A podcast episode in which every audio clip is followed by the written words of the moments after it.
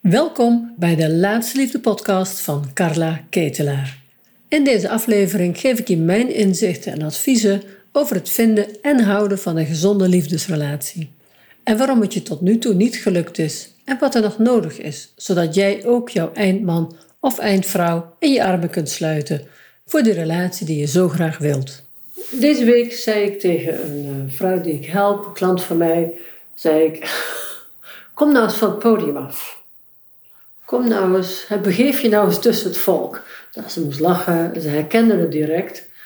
En hierdoor kwam ik eigenlijk weer, moest ik zelf, na die, die afspraak, moest ik echt denken aan Benedicte. Dat is een uh, klant uit Vlaanderen van mij, die heb ik uh, een jaar geleden geholpen.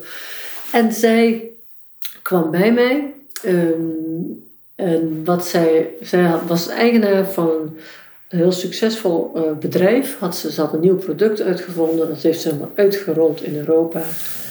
En zij was ondertussen, ja, ze had 50 mensen in dienst. Uh, nou, ze stond echt aan het hoofd van een flinke, flinke organisatie. En ja, daar kom je, weet je, op zo'n plek kom je niet zomaar. Daar heb je bepaalde uh, kwaliteiten voor nodig om daar te kunnen kopen, komen. Dus dat is heel hard willen werken, daadkracht, risico's willen nemen. Uh, wat heb je dan nog meer nodig? Overzicht. Uh, nou, door, heel veel doorzettingsvermogen. En je, ja, je moet ook een team opbouwen, want een succesvol bedrijf run je nooit in je eentje. En dat betekent dat je een, ook dat je eigenlijk altijd, de, je bent de baas. Laat maar simpel zeggen, je bent de baas van je eigen bedrijf. En al die mensen voeren uiteindelijk uit wat jouw plan is. Uh, en zij kwam bij mij omdat zij dat allemaal fantastisch deed. Maar ze was al acht jaar alleen. Ze had al acht jaar geen relatie en dat wilde ze heel graag. Nou, en wat bij haar dus heel duidelijk speelde, was dat zij dat baas zijn, dat was ze heel goed in. Dat kon ze heel goed. De lijnen uitzetten, mensen goed aansturen. En ze was ook gewend dat wat er uiteindelijk in haar bedrijf gebeurde, was omdat zij dat besloot. Dat ze dat zelf besloten had, een nieuw idee, enzovoort, enzovoort. Maar ja, dan wil je de liefde vinden.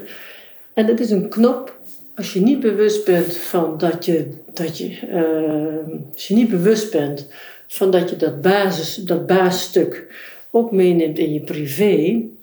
Eh, ja, weet je, je bent niet eens bewust. Het is eigenlijk een soort. Je, je hebt vaak het idee dat dat is wie je bent. En dat neem je dan ook mee in je privé, in je, met je vrienden, met je, nou, en ook in het daten, ook in het zoeken naar de liefde. En we hadden het er al eens een paar keer over gehad. En in één keer dacht ik, ik ga het jou eens laten voelen. Ik ga je eens laten voelen wat het is als je contact maakt met anderen, relateert met anderen vanuit de bovenpositie. Ik noem het de bovenpositie. Uiteraard heeft dat een achtergrond, dat zal ik zo uh, toelichten. Maar de bovenpositie geeft een bepaald. Ja, bovenpositie kiezen is controle, is weten waar je aan toe bent, uh, je kunt je hart op slot laten, je hoeft je niet echt kwetsbaar op te stellen. De bovenpositie is uiteindelijk altijd bepalen hoe het gaat verlopen. Uh, en de bovenpositie is je niet laten raken. Nou, en ik had, in, ik had een heel groot bureau toen nog in mijn, in mijn kamer staan. En ik heb daar een stoel op gezet en ik heb haar uitgenodigd om bovenop dat bureau te gaan zitten. En dat is Carla, wat gaan we nou doen? Belachelijk. Kun je het me zo niet vertellen? Ook dat was heel leuk, want in haar zijn was ze natuurlijk ook heel initiatiefrijk. Dus ze zei, Carla, dat ik blijf hier wel gewoon zitten. We doen het gewoon hier. zij nam alweer die, die rol over. Ik zeg, nee, dit is echt heel belangrijk dat je de ervaring hebt om even op mijn bureau te gaan zitten. Nou, nou oké, oké, okay, jij het zegt. Nou, huppakee, op dat, ik hielp al op dat bureau. En ze zat daar en dan heeft ze echt eens even zo gezeten. Dus sluit je ogen, voel eens even. En je hoeft niet bang te zijn hoor. Ik zet tegenwoordig mensen niet meer op hun bureau. Maar dit was zo'n ingeving van me. Omdat ik, het moeilijk was haar duidelijk te maken. En zij zat op het bureau en ze sloot haar ogen. En langzamerhand zag ik dus dat haar gezicht veranderde. Het gevoel kwam op haar gezicht. En toen ik haar vroeg, van hoe is het daarboven? Hoe is het, op, hoe is het om daar te zitten? Nou, hier ben ik en er zijn nog meer mensen om me heen en hier zijn wij en jij bent daar. En ze werd heel verdrietig. Ze zegt, ik voel geen contact, ik voel me niet verbonden uh, als ik hier zit. Nou, ze voelde heel erg veel eenzaamheid. Dit was voor haar, en we hebben, ze heeft even gezeten, ze heeft dat ervaren. En, en ik heb haar dus uitgenodigd om stap voor stap van dat bureau af te komen. En wat zo mooi was, was dat zij daarna, als ik het erover had, als ik zei van kom eens van het podium af, wist ze direct wat ik bedoelde.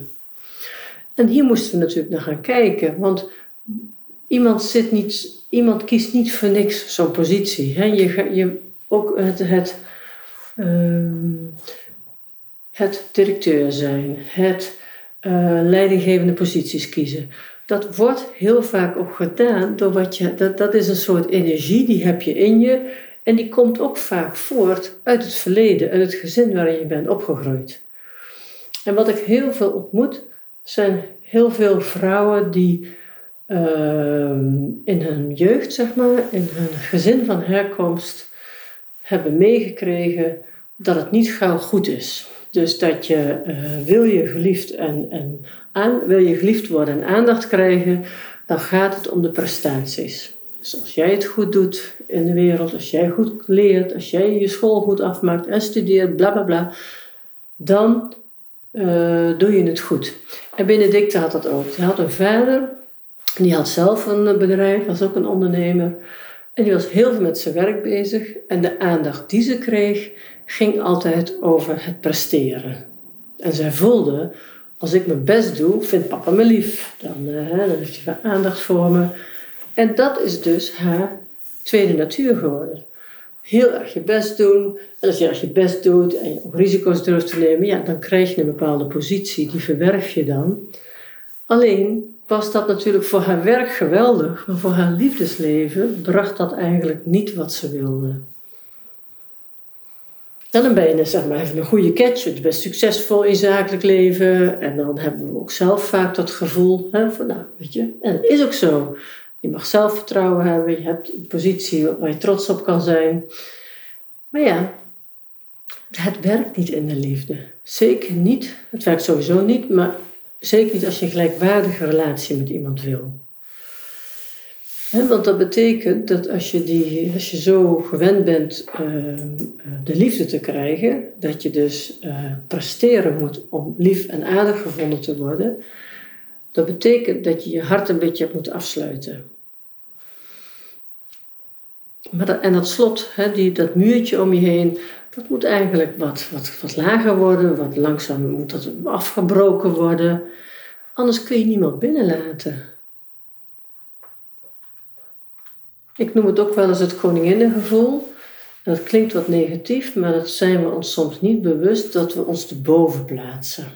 En dat, dat je, kom, kom eraf, kom, kom van het podium af.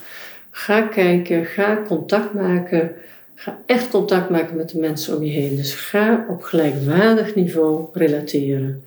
Alleen, ja, soms is het een blinde vlek. Heel vaak is het een blinde vlek. Als ik het over de mannenactiekant heb, dan heb ik het over die daadkrachtige kant.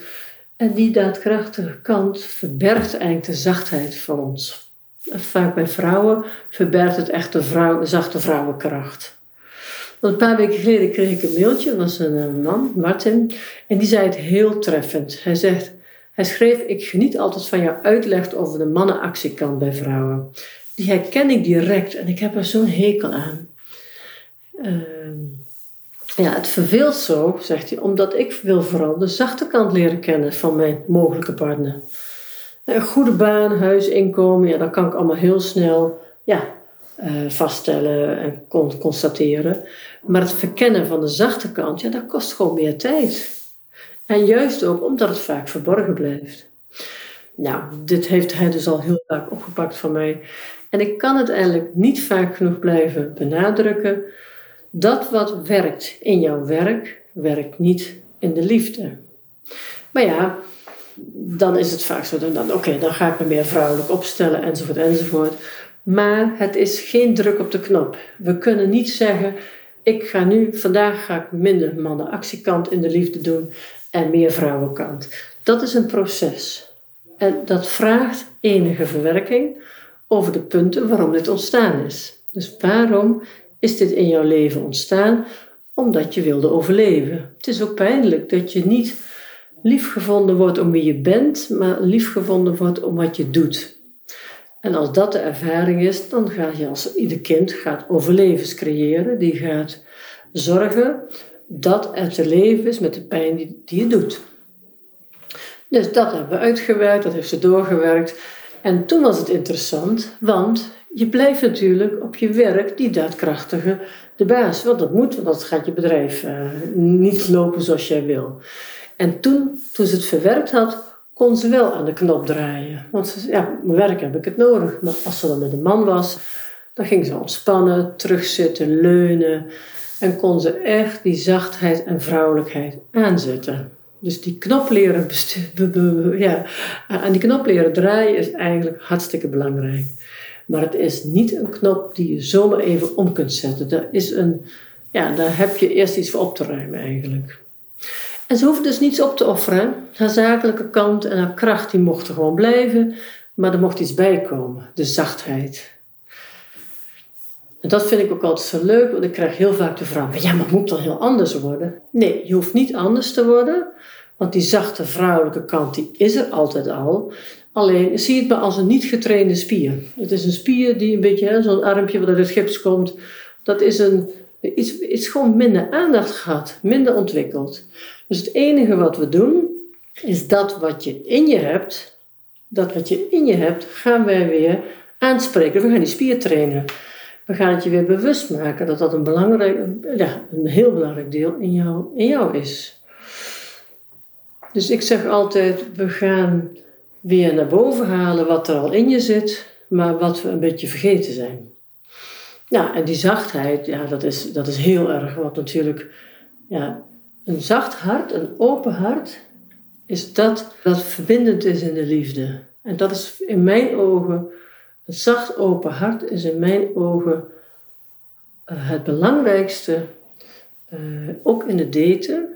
Dus dat je zo veilig bent in jezelf, dat je een bepaalde zachtheid kan laten zien, zonder dat je denkt uh, dat je bang hoeft te zijn, oh, dit is veel te kwetsbaar. En dat, is allemaal, dat, dat ontdek je allemaal als je die vrouwelijke zachte kant weer wakker hebt. Want je kunt namelijk krachtig en zacht gelijk zijn. Het is niet of-of. Alleen de kracht die je hebt, die zet je anders neer uh, als je ook de zachtheid kent. En toen Benedicte dus die zachtheid bij zichzelf had ontdekt, hè, op dat bureau, van dat bureau af en nou, nog een aantal sessies daarna. En ze heeft gewoon een hele leuke man ontmoet. En ze zijn uh, ja, erg gelukkig samen en, en ik spreek haar af en toe. En dan zegt ze, Carla, zegt ze, dat ik het niet eerder heb gezien, dat ik dat zelf niet door. Nee, het is een blinde vlek. En een blinde vlek zie je natuurlijk niet aan jezelf. Die kun je zelf niet ontdekken. Daarom heet het ook een blinde vlek natuurlijk. Dus weet je, ik heb zelf hulp gehad om het helder te krijgen. Ik help jou heel graag om het helder te krijgen. En Benedicte was heel dankbaar dat ze het helder had gekregen. En die heeft een heel ander leven op dit moment. Met man en succesvol bedrijf. Voel jij je aangesproken als daadkrachtige ondernemende vrouw? Herken je je erin dat het lijkt alsof je extra obstakels tegenkomt in de liefde, terwijl de rest in je leven je prima afgaat? Nou, dat klopt dus. Er zijn wetenschappelijke onderzoeken die dit bevestigen. Laat jij je hierdoor niet meer afschrikken en weet jij heel zeker dat je die liefdesrelatie wilt? En wil je niet langer wachten op die ontbrekende schakel in jouw leven? Dan is het de mogelijkheid dat ik je één op één ondersteun. Dit is echter niet voor iedereen. Stuur me daarom een mailtje naar support Laatste Liefde. Dan kom ik graag met je in contact.